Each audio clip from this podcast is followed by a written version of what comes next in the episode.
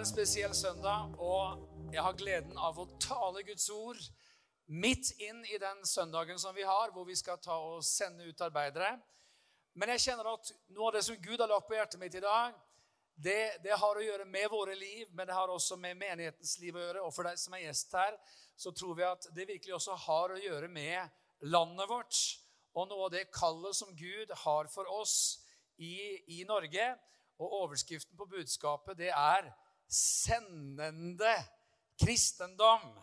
Amen.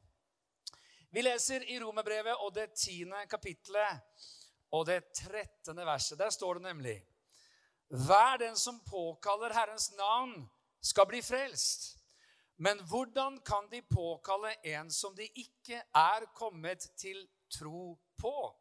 Og hvordan kan de tro på en som de ikke har hørt om. Og hvordan kan de høre uten at det er noen som forkynner? Og hvordan kan de forkynne uten at de blir utsendt? Som skrevet står, hvor fagre deres føtter er, som bringer fred, som bringer et godt budskap. Men ikke alle var lydige mot evangeliet, for Jesaja sier, Herre, hvem trodde vel det han hørte av oss? Så kommer da troen av forkynnelsen som en hører, og forkynnelsen som en hører, kommer ved Kristi ord. Jeg vet ikke du, eh, hvordan du tenker om, eh, om, litt sånn utseende på føttene dine, men, eh, men du har fagre føtter. Kan, kan, du kikke litt på dem? Kan du liksom bare se litt ned? Jeg tror ikke vi skal ta av skoene alle sammen. Det, det, det, vi, vi, dropper det akkurat nå. Men, men, men du har fagre føtter, vakre føtter. Det står nemlig det at de som kommer med evangeliet, de som kommer med budskapet om fred, de har fagre føtter.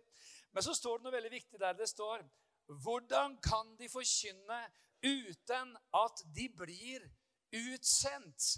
Og du vet, eh, Når du står her liksom, og du ser disse herlige ungdommene De er klare til å reise ut vet du, og ut i Europa skal forkynne evangeliet. Så tenker jeg at det er veldig viktig for oss som kristne å tenke hva er det vi egentlig holder på med? Hva er det vi egentlig er opptatt av? Hva er det liksom egentlig som får vårt hjerte til å banke raskere? Hva er det som, som virkelig vekker dypet av vårt engasjement? Jo, det er Jesus til nasjonene. Det er Jesus til folkeslagene. Det er gode nyheter til jordens ytterste ende. Amen. Og Derfor så står det at ingen kan forkynne om de ikke er utsendt. Og så kan noen tenke som sitter her, ja, men dette er jo fint, et misjonsbudskap. Halleluja, check, check, check. Det er bra, de holder på med misjon, disse folka her. Nei, nei, nei, hør nå her. Dette er noe av det som Gud vil at du skal være opptatt av. Halleluja. Halleluja. Amen vi, vi varmer opp litt her. Det går veldig bra. Halleluja. Vi, vi tar det en gang til. Dette er noe av det som Gud vil at du skal være opptatt av. Halleluja. Når du liksom bare hører ordet 'sende' Jeg vet ikke hvordan det er med deg, men Av og til så er det sånne visse kristne ord som gjør oss mer glade og mer lykkelige. Jeg vet ikke hva slags kristne ord som gjør deg glad. Men et av de ordene som Gud ville skulle virkelig gjøre deg skikkelig glad, det var 'sende'. Og bare, bare smak litt på ordet. Kjenn hvor godt det er. Bare kjenn hvor liksom deilig det smaker. Sende. Ja, men Hva er spesielt med det? Jo, det er veldig herlig å få lov til å sende. Gud vil at hans menighet skal være sendende. Og hvem er i menigheten? Ja, ja, akkurat. Jeg begynner å skjønne ligningen her. Helt riktig. Gud vil altså at hans menighet skal være sendende. Og vi er jo menigheten, ikke sant? Vi som elsker Jesus, som Den hellige ånd bor i. Og derfor så er du en sendende kristen. Yes! En sendende kristen. Sendende kristne, sendende troende, er lik sendende menigheter som setter sin ære i å sende. Det er bare en sånn advarsel her. Det er et farlig møte. Dette er et veldig farlig møte. Her kan alt skje. Vi garanterer ikke for noen annens framtid. Men du er trygg i Jesu hender. Men vi holder på med å sende folk, skjønner du. Halleluja. Jeg skulle jo husket navnet hans, men det var en gammel, gammel gammel misjonær. Urgammel misjonær. Skottland. Han hadde reist ute, vært i India, tror jeg det var, et langt, langt liv. og Han sto på en sånn konferanse vet du, og delte sitt vitnesbyrd. Og så var det en utfordring som ble gitt til neste generasjon. Så sa han, 'Hvem er det her som vil ta stafettpinnen?' sa han historie. Og vet du hva? Det var ingen unge mennesker som responderte. Det var ingen som ville gå. Og da sier den gamle, gamle misjonæren, 'Vel, jeg får dra ut igjen', sa han. Og ut dro han gamle gubben. Og Hvis jeg husker riktig, så døde han der ute også. Han tenkte jeg skal gi det siste jeg har, til nasjonene. Og du skjønner Det som er interessant, og som er grunnen til at vi vil snakke litt om dette, her, det er at sendende kristendom er en litt sånn annen type kristendom. Yes! Vi er jo veldig ofte opptatt av hvor mange vi kan samle. ikke sant? Hvor mange kan vi samle på et sted? Hvor mange kan vi samle på møtene? Kjempebra. Men det fins noe som er kanskje enda hakket hvassere, og det er hvor mange kan vi sende? Amen. Ja, men sende, Hva mener du sende? Jo, det som er veldig bra Jeg tror at vi har to valg, egentlig.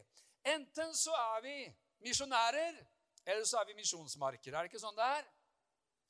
Enten så er vi sånne som går ut, eller så får vi i hvert fall sørge for at vi sender noen som kan gå ut. Ikke sant?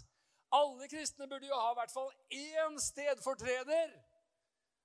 Er det noen som har fadderbarn her? Sånn, det er veldig bra som fadderbarn. Eh, mange har fadderbarn. Anne har jo en hel familie med fadderbarn. Det er jo, det er, det er fantastisk, altså. Eh, en hel sånn hylle vet du, med, med bilder fra ulike sånne foreninger og, og arbeider som, som, som, tar seg av eh, barn i ulike deler av verden. Fantastisk. Eh, og, jeg, jeg, tenkte på det her i dag morges at liksom, vi, vi, vi, burde jo, Det er veldig bra, fortsett med det. Men jeg lurer på om du skal liksom rydde én hylle til i bokhylla. Og du har en sånn sendehylle. Halleluja. Bilder av ungdommer, vet du. Bilder av misjonærer. Bilder av predikanter. Bilder av folk som du støtter. vet du. Her har jeg noen som drar til Europa. Her har jeg noen som drar til India. Amen. En riktig sånn sendehylle. For at Gud vil at hans menighet skal være opptatt av å sende. Halleluja. Mm. Jeg sitter litt langt inne her foreløpig, men jeg skal si det innen vi er ferdig preke, så er jeg helt sikker på Amen. Du er mer overgitt til å sende enn noen gang før. I Matteus kapittel 9 så står det følgende i vers 36. Jesus dro omkring i alle byene og landsbyene. Han lærte i synagogene deres og forkynte evangeliet om riket, og han helbredet all sykdom og alle plager. Da han så folket, fikk han inderlig medynk med dem, for de var herjet og forkomne som får uten hyrde. Da sa han til disiplene sine, høsten er stor, men arbeiderne er få. Be derfor høstens herre at han vil drive arbeidere ut til sin høst. Her, her, snakker vi om noe viktig nå. Hva er det her for noe? Jo, der hvor bønnen er sterk, når bønnen er sterk i menighetene, når bønnen er sterk i Guds rike, når, når bønnen er sterk, så finnes det også en kraft til å sende, en kraft til å drive ut. Derfor er det sånn at djevelen arbeider massivt med at kristne skal gjøre alt annet enn å be. For hvis vi ikke ber, så er det så lite som skjer. Og hvis vi ikke ber, så fins det liksom ingen sendekraft. Ja, og noen som har hørt meg preke det før, du vet at jeg er glad for å si dette her, men det er jo litt spesielt. jeg vet Det, det, det ordet som nemlig brukes der for drive ut arbeidere, er det greske ordet ballo. Og det brukes over hele Nytestamentet hver eneste gang Jesus kaster ut onde ånder. Og jeg har en liten teori om hvorfor det er samme greske ord. Og det er for at demonene og arbeiderne har én ting felles. Begge vil helst bli der de er. Med andre ord det er litt sånn motstand på det her å komme ut. Aha. Halleluja. Du vet, vi, vi, er jo kristne, er vi ikke det? Kjære, nå lurte jeg på hvor er vi havna her i dag, men jeg skal jo gjerne forkynne evangeliet med det samme. Halleluja, så du kan bli frelst. Nei, Vi er jo kristne, ikke sant? Eh, og, og, og, når det gjelder liksom kristne, så er det det visse ord som vi er glad i i menighetene våre. Halleluja. Vi er glad for Guds, Guds, omsorg, og vi er glad for at vi er trygge hos Han. Halleluja. Vi er glad for at Han er en god far. Vi er glad for at vi får lov til å være i Hans nærhet. Men det fins en annen side i vår tro, og det er at Gud, Han vil at Hans menighet skal være, om jeg våger å si ordet, misjonerende halleluja, sendende, evangelieforkynnende, helbredende. Amen. Gud vil at hans evangelium skal gå ut til jordens ytterste ende. Aha. Aha. Og det sitter fortsatt noen her som sitter og tenker ja, men han preker til noen andre her nå, men det er ikke til meg. Jo da, det er deg jeg preker til. Yes, det er det, vet du. Du vet, eh, Kampen om sendingen den er ganske heftig. Vi kjenner jo alle sammen, eller kanskje ikke alle, men mange av oss vi kjenner historien om Jonah. Hvor mange har hørt om Jonah? Du vet han som det endte så galt med altså, fiskens bok, buk osv. Eh, vi leser om han i, eh, i Jonas jeg må si Jonas' evangelium. Det, det, var, det, var, det vel ikke, men i hvert fall brevet. Det kunne jo vært det, da. men eh, Han kunne jo vært den første evangelisten. Var det kanskje også. Men her står det nemlig i Jonah kapittel 1 og vers 1. Herrens ord kom til Jonah, Amitais sønn, og det lød så. Stå opp, gå til Ninive, den store byen, og rop ut imot den for deres ondskap er steget opp og kommet for mitt åsyn, så skulle man jo liksom da tro at den naturlige responsen til Jonah det var Yes, sir. Herren sender meg. Hvilken glede. Jeg er blitt betrodd å dra til Nineve. Come on, bring it on, somebody! For det er jo det som er den naturlige responsen til alle som blir kalt til å gjøre det i nasjonen, ikke sant? Både da og nå, eller hva sier vi om dette? Fordi, Hva står det her, da? Jo, det står Men Jonah sto opp for å flykte til Tarsis, bort fra Herrens åsyn. For en type! Ingen her ville selvfølgelig vært i nærheten av å gjøre noe lignende. Hallo! Bare sånn For ordens skyld så var jo Ninive det det var jo Irak den gangen. og Det er jo ikke sikkert alle her hadde vært like tent for å dra til Irak i dag heller. Det er jo ikke helt sikkert, kanskje. Vi har jo en i menigheten som er misjonær i Irak. Det er veldig herlig. Men han flyktet bort fra Herrens åsyn.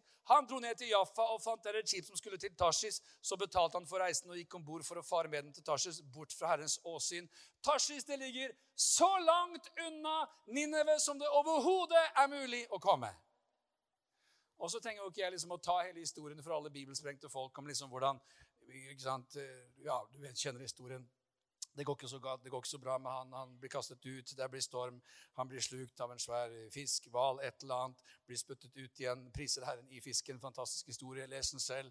Eh, og da tar han et hint. OK, da, Gud. Er du glad for at Herren eh, av og til lar oss få nye muligheter? Noen som er glad for Det Det står nemlig i kapittel 3 vers 1 at Herrens ord kom til Jonah for andre gang, og det lød så Stå opp, gå til Ninive, den store byen, og rop ut i denne budskapet jeg taler til deg. Og Jonas sto opp og gikk til Ninive, som Herren hadde sagt. Ninive var en stor by for Gud, tre dagsreiser land. Og så preker han og forkynner evangeliet. Ninive vender om. Og, og, og Jonah blir sur! Altså, jeg mener, De folka som Gud kaller altså man kan jo tenke, Har du, har av og til tenkt på disiplene? Hadde det vært ditt valg? Hæ? Hadde det vært ditt valg, kanskje? Hæ? Men eh, Judas stjal fra kassa. Eh, Johannes og Jakob ville at eh, ild skulle fare ned fra himmelen og fortære alle samaritanerne. Peter fornekta at han kjente han. Thomas tvilte. Bartimeus sa ikke et ord på tre år. Har du lest noen gang i Bibelen at han sa noen ting? Jeg mener, det var den gjengen som han kalte, liksom. OK, Guys, I commit the future of the world in your hands. Vær så god, liksom, alle tolv. Det er jo litt heftig, altså. hva? Og Jonas, liksom, han blir sur når de omvender seg. Og det er varmt, og det er svett, og det er forferdelig, og han sitter oppe og ser utover Ninive og er deppa over at Gud har utsatt dommen. Detaljene er jo her at Ninive var jo Israels fiender, og litt av hvert, så det er mye å si om dette. Men, men hva er det som skjer for noe da? Jo, det er et tre som vokser over hodet hans, kikajontreet. Og det han, blir han veldig glad for. Og så eh, visner treet, og da sier Herren i vers, kapittel 4, vers 10.: Du har medynk med kikajontreet som du ikke har hatt noe strev med og ikke har fått noe til å vokse. Det ble til på en natt og ødelagt på en natt. Skulle da ikke jeg ha medynk med Ninive? Det var det som du snakka om når vi snakket når du gikk i gata i går. ikke sant? Du, du, ser byen, du ser folka, du ser ungdommene. Og så vekkes det noe i hjertet. De må få høre! Hva var det vi leste om Jesus i Matteus 9? Han så folket, og han fikk inderlig medynk med dem. Misjon er jo ikke et eller annet prosjekt som vi skal utføre. Det er medynk, på engelsk 'compassion'. Det er medynk for mennesker. Og dette ordet er sagt før, men det tåles å gjentas. Hvorfor skal noen høre evangeliet to ganger før alle har fått høre én gang? La oss nå se for oss at dette møtet nå varte i åtte-ti timer. Det fins en menighet i de Ungarn som har så lange møter. Noen blir litt redde her nå. Frykt ikke, det skal gå veldig bra.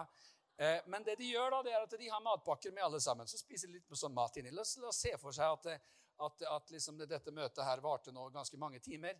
Men så begynte jeg da å dele ut mat. Og så gikk jeg ut her med litt brød. og liksom, Vær så god til deg. Brød, brød, brød. brød, brød. Det er jo det vi spiser i dette landet. Brød, brød, brød forskjellig sånn brød, brød, brød, brød, brød. Og så fikk den raden der, og så fikk disse tre første radene sånn og sånn. Og sånn. Og alle de satt der og ble, ble, ble, ble glade og ble gode og mette. Og så tenkte jeg men kanskje de er enda mer sultne. Vi får ta en runde til. Og så gikk jeg da til første rad. Her er litt brød, vær så god. Her er litt brød til dere. Her er litt brød til dere. Vær så god, ja. Her har dere brød til dere. brødre. Oi, oi, kjære, der kom, fikk du nesten litt av hvert. Akkurat. Sånn, ja. Og så sitter vi der enda lenger. Det går enda et par timer. Og jeg tenker, det er jo sulten. Jeg får dele ut litt brød. Og så vær så god. Første rad litt brød. Andre rad litt brød. Tredje rad brød. Tredje, vær så god. Hva ville dere tenkt på fjerde, femte, sjette, sjuende, åttende, niende, tiende, ellevte, tolvte rad?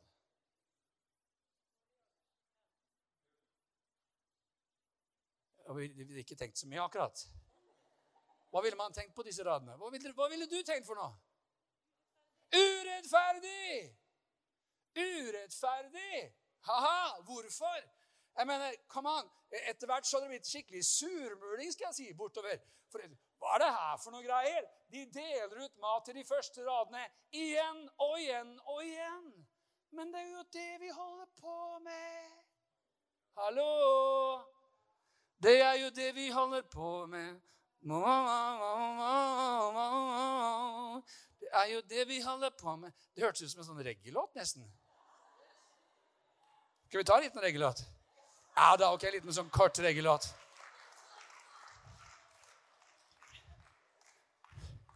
Da må dere være kjappe, altså. De er jo kjappe.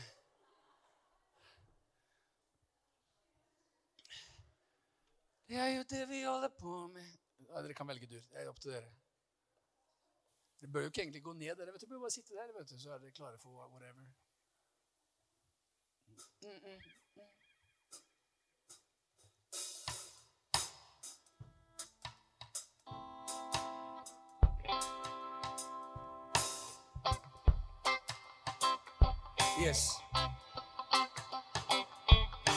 Det er jo det vi holder på med. Det vi holder på med. Det vi holder på med. Det vi holder på med. Ja, det er det vi holder på med. Det vi holder på med. Det vi holder på med. Det er det vi holder på med. Hvorfor skal noen høre evangeliet mange ganger? Hvor skal noen høre evangeliet mange ganger? Når mange ikke får muligheten til å høre noen ganger. Når mange ikke får muligheten til å høre noen ganger. For det er det vi holder på med. Det vi holder på med. Ja, det er det vi Det vi holder på med. Fint. Det er det vi holder på med. Thank you. It's okay. Thank you. Jeg kan ikke være her lenger. Det er altfor gøy. Halleluja. Jeg mener, Tenk på misjonsbefalingen, Matteus kapittel 28. Jesus har stått opp fra de døde. Han har samlet alle disiplene sine. Og jeg vet jo at vi vet at vi vet at vi vet at vi vet alt dette her. For det er det vi holder på med. Ikke sant? Så Thank you. Så jeg mener, hallo, hallo, hallo. Jesus har gått med disiplene tre år, undervist dem, han har dødd, stått opp fra de døde, samler disiplene, 40 dager, underviser dem, og så sier han Gå ut i all verden, forkynn evangeliet for alle folkeslag. ikke sant? Markus 16, 15. Han, Matteus 28, 18. Gjør alle folkeslag til disipler. Det er jo rimelig tydelig tale, hva? Og så er det store spørsmålet skjer det? Altså Man skulle jo tro at pinsedag, ånden faller, diabet, de taler nye tunger, det tar helt av. Ok, Man skulle da se for seg at det var et lite kapittel som het 'Arbeidsfordeling om nasjoner'. ikke sant? Og Da setter liksom apostlene seg ned, og Peter og Johannes og alle disse og sier ok, guys, nå har jo Jesus sagt at vi skal gå ut i hele verden. Ånden har falt, vi er blitt fylt med Den hellige ånd. Så hvem går til Asia? Og hvem skal ta Afrika? Og hvem skal vi sende opp til hedningen i Europa? Hvordan skal vi gripe an dette her? Skjer det? Nei. Jeg mener Jerusalem. Hvem vil forlate Jerusalem? 3000 frelst, gabong. 5000 frelst, gabong. Shadow healing. Peter går gjennom byen for å bli helbreda. Bare skyggen av Peter sier ordet, faller på dem, så blir de helbreda.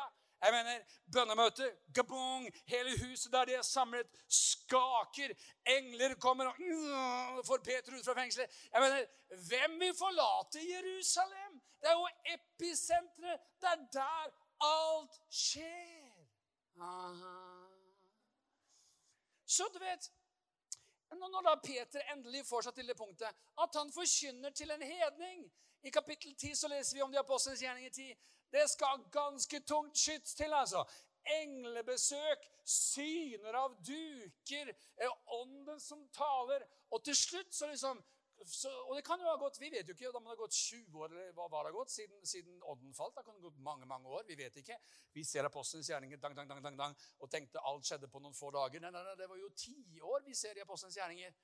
Og endelig så drar han til Kornelius' hus, og han starter med å si ja, folkens, her er jeg. Det er klart at det her skulle jo ikke jeg egentlig vært, for det, skal jo ikke egentlig gå inn til sånne som dere. Men, men, nå har jeg jo skjønt at Gud egentlig ikke gjør forskjell på folk. Altså. også mens han, mens han preker, så faller Den hellige ånd på hedningene, og de begynner å tale nye tunger. Oh, i alle dager, hva er det som skjer?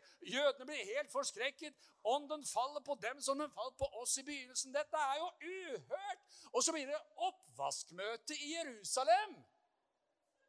Det er sant. Peter, du gikk og spiste med hedningene. Det er noen i Jerusalem som er veldig sure. Og Peter har i sitt forsvarstale Hei! Det var jo Den hellige ånd som falt over dem. Hva kunne jeg gjøre for å hindre greia? Jeg måtte jo døpe dem når ånden hadde falt. Come on! Det er liksom ikke sånn at apostlene og alle i Jerusalem sier Wow! Endelig misjonsbefalingen din! Nei, nei, det er liksom motsatt. De er jo storlig forundret over dette som skjer. Med andre ord, det satt langt inne. Mm -hmm. Skal jeg si det hva som virkelig får misjonen til å løsne? Jo, det leser vi om i kapittel 8 og vers 1 i apostlenes gjerninger. Saulus samtykte i mordet på ham, Stefanus. Samme dag brøt det løs en stor forfølgelse mot menigheten i Jerusalem, og alle unntatt apostlene ble spredt utover bygdene i Judea og Samaria. Vers 4. De som nå var blitt spredt, dro omkring og forkynte evangeliets ord. Eh, hva er det som skjer her? Jo, det er forfølgelse. Og forfølgelsen sprer folk utover. Endelig begynner misjonsbefalingen å gå i oppfølgelse. Og hvem står i bresjen for, for, for forfølgelsen? Saulus, som siden skulle bli Paulus, han har så kaldt på livet sitt han har til og med er engasjert i misjonsbefalingen før han blir frelst. Hæ? Han, liksom, han sørger for den første evangelieforkynnelsen i Samaria ved at han forfølger de kristne. For en greie at det går an. Men hva er det som skjer her? Jo, Philip kommer til Samaria, står det i kapittel 8, vers 5. Og da kom Philip ned til en by, Samaria. Ring a bell, somebody. Samaria, Samaria, Samaria. Apostelens gjerninger, kapittel 1, vers 8. Dere skal få kraft. Unnskyld at jeg står på så veldig, men jeg blir så ivrig. Jeg klarer ikke å holde igjen. Jeg blir så ivrig, så ivrig. Dere skal få kraft Den hellige ånd kommer over dere. Og dere skal bli mine vitner i Jerusalem, i Judea og i Samaria. Yes! It's moving! Halleluja! Og inntil jordens ytterste ende. Så endelig så begynner evangeliet å liksom komme seg utover. Hva vi forsøker å si noen ting om? Det sitter ofte litt sånn langt inne å bli sendt. Og var det sånn da, så kan det faktisk også være sånn nå. Jeg husker jeg vokste opp etter misjonsmøter. Det var jo liksom ikke det som var min favoritt. Altså, jeg husker liksom Det var disse fantastiske liksom, Det var sånn, sånn slides. vet du. De slides det betyr noe annet da enn nå, men den gangen så var det sånne fine, små firkanta greier med sånne hvite rammer rundt som man putta inn i et sånt apparat og greier. Jeg husker misjonæren sto og skulle vise veldig fine bilder fra, fra, fra en landsby i Afrika. og det, det var jo opp ned. da, vet du. Annethvert bilde stort sett. da. Og det, det tok jo forever. altså. Vi satt der som ungdommer og tenkte å, Jesus, hjelp oss. For liksom Ja, her ser vi et Å nei, beklager, det var opp ned. Og så gikk han bort der, og så liksom eh, sånn, sånn, og så tilbake inn. og sånn. Ja, men her ser vi Nei, beklager, opp ned. ja. Hvorfor kunne han liksom ikke like så godt tatt og snudd hele greia opp ned? Det hadde nesten vært like enklere. Og vi satt der liksom og tenkte når skal vi bli ferdig? Når skal vi bli ferdig? Vi har lyst til å komme oss ut på scooteren, vi har lyst til å ha noe gøy, vi har lyst til å slippe dette forferdelige misjonsmøtet. Vi sa det ikke, men vi tenkte det. For det var liksom ikke det som var den store greia. Men vet du hva? Vi er et folk som elsker å sende, tror på å sende, vil sende. Og vet du hva? Vi vil sende de beste. Kan jo ha vært en og annen menighet. altså Nå fantaserer jeg veldig, da, men som har liksom tenkt at Hva skal vi gjøre med søster Gunda? Nei, det, Hun har jo skapt problemer her nå i et i tiår, altså. Men det er klart Madagaskar kaller. Søster Magda, vi kjenner at Magdagaskar er liksom neste stopp for deg nå. Kjenner du det også? Ja, nei, jo. Jo, takk skal du ha. Amen. Vi tar opp et offer. Off you go. Jeg mener, Det er selvfølgelig ingen som har gjort sånn, men vet du hva? Vi skal, tenke, vi skal sende de beste. Amen. Amen. Apostelens gjerning kapittel 13 så leser vi nettopp om dette i Antiokia. I menigheten der var det profeter og lærere. Barnabas og Simeon, som kaltes Niger, og Lukius fra Kirene og Manan, fosterbror til fjerningsfyrsten Herodes og Saulus. Mens de holdt gudstjeneste og fastet, her er de søker Guds ansikt, så sa Den hellige ånd, ta ut for meg Barnabas og Saulus til den gjerningen som jeg har kalt dem til. Eh, Da lot de dem dra ut etter at de hadde faset og bedt og lagt hendene på dem. Da de slitt var, hør på det her, utsendt av Den hellige ånd. Halleluja. Bønnemøter. Amen. Gudstjeneste, bønn, faste. Menigheten kommer sammen. Plutselig så taler Gud, ikke sant? Og der står liksom din favorite preacher i din menighet, ikke sant? Eller hva- det skulle nå være. Din favoritt-lovsangsleder. Og så sier Den hellige ånd, ta henne ut og send henne ut i den tjenesten jeg har kalt henne til. Ikke sant? Jeg mener, Kan du se for deg Antiokia, eller? Kan du se for deg Paulus i Antiokia? Og jeg gleder meg sånn til torsdag. Uh, det, skal være, det, skal være, det skal være bibelstudium. Det er Paulus skal undervise. Å, jeg gleder meg. Oh, det var helt nydelig. Ja, men jeg bare drikker inn altså, disse åpenbaringene. Han, han bare, det bare den undervisningen han har om rettferdighet og tro, er bare helt nydelig. altså. Skal du dit, eller? Klart jeg skal dit. I wouldn't miss it for the world. Jeg mener, han burde skrive en bok om dette en gang. altså. Jeg mener, Romerne hadde kommet til å elske det, helt sikkert. Altså, vi, vi, vi altså, det var, var helt nydelig. Og, og favorittpredikanten, jeg mener Paulus. Og så sier Herren, ta ut for meg Paulus og Barnabas og send dem ut til den tjenesten jeg har Paulus? Skal ikke han ha torsdagsbibelstudium lenger? Hva, hva skjer nå? Altså, hva, skal vi sende ut Paulus? Paulus? Beste vi har. Pro profetisk kraft og apostolisk styrke og underviser som en helt. Og han skal vi sende. Yes, vi skal sende de beste. For det er det vi holder på med. Det er det vi holder på med, ikke sant? Yes, det er det vi holder på med. Vi sender de beste. Skal, skal, skal jeg si en, helt ærlig ting? Det er ikke sånn at det å sende ut sine barn, som etter hvert er blitt ungdommer, som etter hvert er blitt kanskje voksne, i misjon, nødvendigvis er det som får kristne foreldre til å ta av og fly høyt. Og alle folket sa au. Hva skal du nå, liksom? Skal du ut i misjon? Må jo tenke på utdanningen din. Karrieren. Ja, men mamma, jeg skal bare bruke et år ute i misjon. Er ikke det fint, da? Ja, jo, det er Kjempefint. Men bare for et år! OK?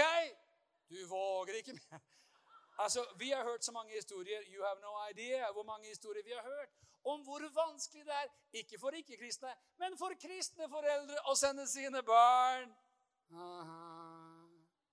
Men vet du hva? Vi elsker jo å sende. Yes. Elsker jo å sende. Det er sånt vi holder på med. Det er sånt vi holder på med. Yes! Hvor mange kjenner til mormonerne? Det er jo en, en, en, sekt som vi ikke skal si så mye om, men 70% av alle mormonske unge menn sendes ut i to år. 70 000 unge mennesker, menn og kvinner, er ute i to år. Kan du bare ane deg hva som ville skje om vi som kristne menigheter begynte å sende 10% 20% 30% av våre unge mennesker, uansett hva du skal videre i livet? Selvfølgelig skal du studere, selvfølgelig skal du arbeide, selvfølgelig skal du gjøre alt mulig. Selvfølgelig, Her er ikke enten-eller, men det er både og. Glory. Ikke sant? Men alle kunne jo bruke et år eller to i misjon. Selvfølgelig.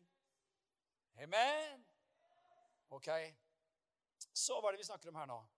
Vi snakker om normal kristendom. Halleluja. Normal kristendom. Halleluja. Anne og jeg vi, vi, vi, vi, fikk en veldig god, gammel venn som het Toralf Berg. Kanskje noen har kjent han. Han var fra Skiensdistriktet. Misjonsforbunds eh. Og han sa sånn som det her. Mine 25 beste år var i Kongo. Akkurat. Ja, vi kom dit, det var ingenting. Det var malaria. Hus hadde vi ikke, så det bygde vi ikke. Men redskaper hadde vi heller ikke så det bygde vi, men redskaper hadde vi ikke, så vi måtte jo lage redskapene. Og språket kunne vi ikke, men det lærte vi oss. Og det var drepende varmt, men Gud var med. Jeg var 25 gode år. Så jeg satt der og tenkte OK, wow. Var det farlig? Mm -hmm. Var det vanskelig? Krevende. Skikkelig krevende. Skulle ikke misjon være krevende? Hallo?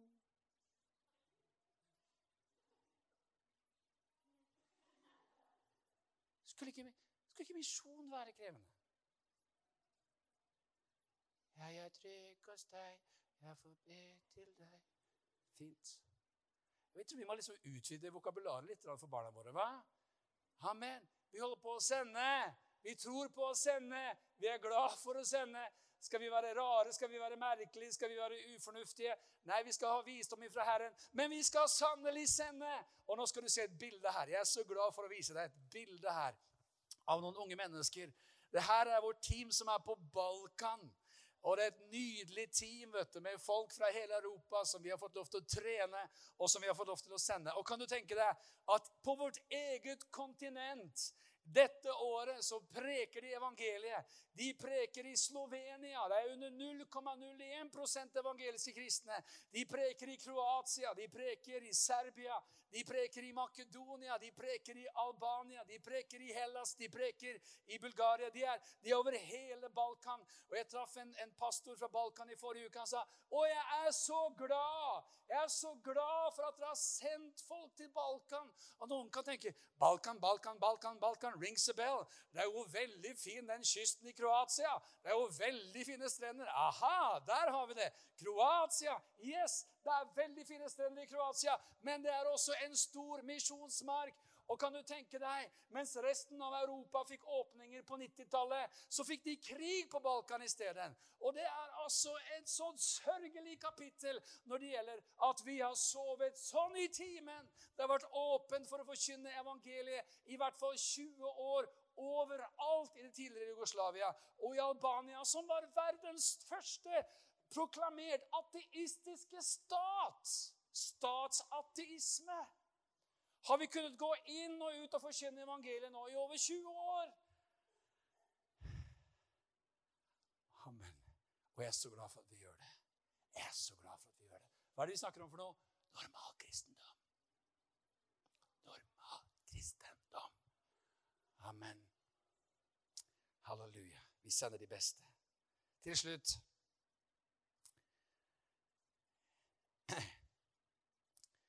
Gud har kalt oss til å ha sendemenigheter. Tenk om vi skulle begynt å tenke litt annerledes. Ikke bare hvor mange kan vi samle, men hvor mange kan vi sende. Amen. Tenk om vi som menigheter satte målsetninger. Og hvor mange skal vi sende i år? Hvor mange misjonærer kan vi få sendt i år? Hvor mange ungdommer kan vi få sendt ut på sommertime i år? Jeg var en ganske sånn tradisjonell ungdomsleder i måten jeg arbeidet på. Starta ut tjenesten i Oslo Kristne Senter. Der traff jeg Anne, min, som skulle bli min kone. Og jeg kjente at Gud ville gjøre noe når det gjaldt unge mennesker og misjon. Vi, vi jobbet iherdig for å overbevise unge mennesker at de skulle bli med til Litauen. Kom og bli med til Litauen! Ingen ville til Litauen. Folk ville heller til sydligere strøk. Men til slutt så sa vi kom igjen. Vi klarte å fylle et par busser. 70 ungdommer dro til Litauen. Jeg hadde drevet dette ungdomsarbeidet så tradisjonelt. De hadde hørt masse god undervisning, de hadde hørt masse god forkynnelse, men de hadde ingen erfaring med Gud selv. Og så kommer første team inn etter første outreach på dag én. Og jeg, jeg blir bare fullstendig overveldet for en, mann, en ung mann, en tenåring. Han sier ja, men eh, vi bare gikk på en strand, og så satte vi opp et lite P-anlegg, sånn som vi holder på med nå også. Og så forkynte vi evangeliet og hadde noen danser og greier. Og så kom det mange mennesker, og så sa vi hvis det er noen som er syke her, kom, Jesus vil helbrede deg. Og jeg tenkte wow, det var litt frimodig. Og Så kom det en som var døv, som ble momentant helbreda. Og så var det en som var delvis lam, som ble momentant helbreda. Og så ble det heldig kaos, og folk begynte å gråte på stranda, og noen begynte å le, og det var Den hellige ånd tok over alt sammen. Og så sa han at jeg fikk, tenkte jeg fikk forkynne evangeliet. Og På det første møtet så var det 100 stykker som knelte i sanden der i Litauen og tok imot Jesus. Det var vitnesbyrd nummer én fra team nummer én, fra dag nummer én av Outreach. Det var fortsatt syv dager. Hundrevis ble helbredet. 1500 eh, mennesker tok imot Jesus. Og jeg hadde aldri sett på noe maken. Og når jeg skulle hjem, så måtte jeg samle alle ungdommene som jeg var ungdomsleder for. som jeg sier, vet du hva? Jeg må vende om. Jeg har fullstendig undervurdert dere. Fullstendig. Jeg har ikke skjønt hva Gud hadde for dere. Jeg har ikke skjønt hvilken hellige ånd som bodde i dere. Jeg har, jeg har behandlet dere som barn, men nå skjønner jeg virkelig hva Gud vil at dere skal være med på. Bringe inn høsten før Herren kommer. Og vet du hva? Denne generasjonen unge mennesker skal ikke underholdes til døde. Det er ikke Guds plan for denne generasjonen. Nei, det er å gi utfordringer. Det er å gi muligheter. Og fra den dagen så fødtes det noe i vårt hjerte. Vi må skape løpebaner for unge mennesker. Vi må trene dem. Vi må sende dem til jordens ytterste ende. Vi er en sendende menighet. Halleluja! Amen. Halleluja. For det er sant vi holder på med. Det er sant vi holder på med. Yes. Og det er ikke bare for ungdommer.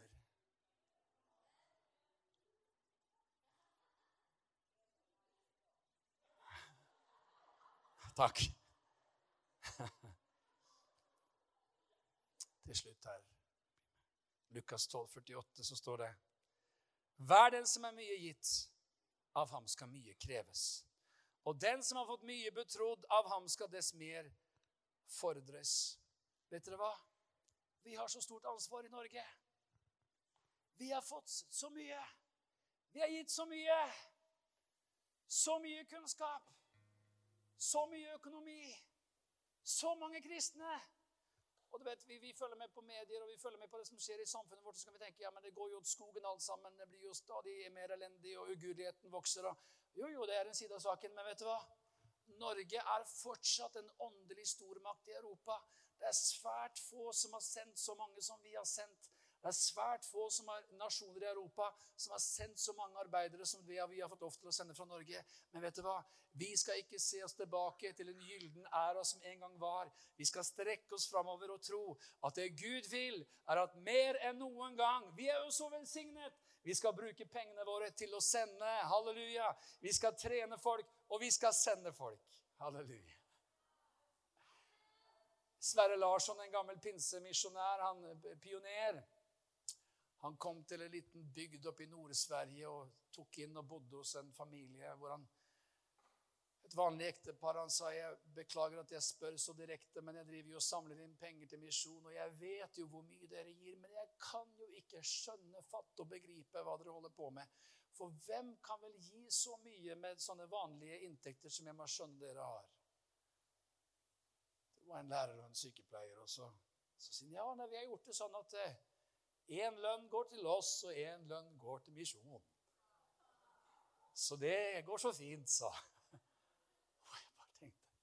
Å, kjære. Amen. Skal jeg si deg en ting? Den dagen du og jeg kommer inn for tronen, så tror jeg ingen av oss kommer til å tenke jeg skulle ikke gitt så mye. Jeg skulle beholdt litt mer. Det kan være at vi kanskje kommer til å tenke det motsatte. At hva tenkte jeg på der nede? At jeg kunne være så opptatt av meg og mitt og mine. Gud har kalt oss til å være med på å sende. Skal vi reise oss opp, alle sammen?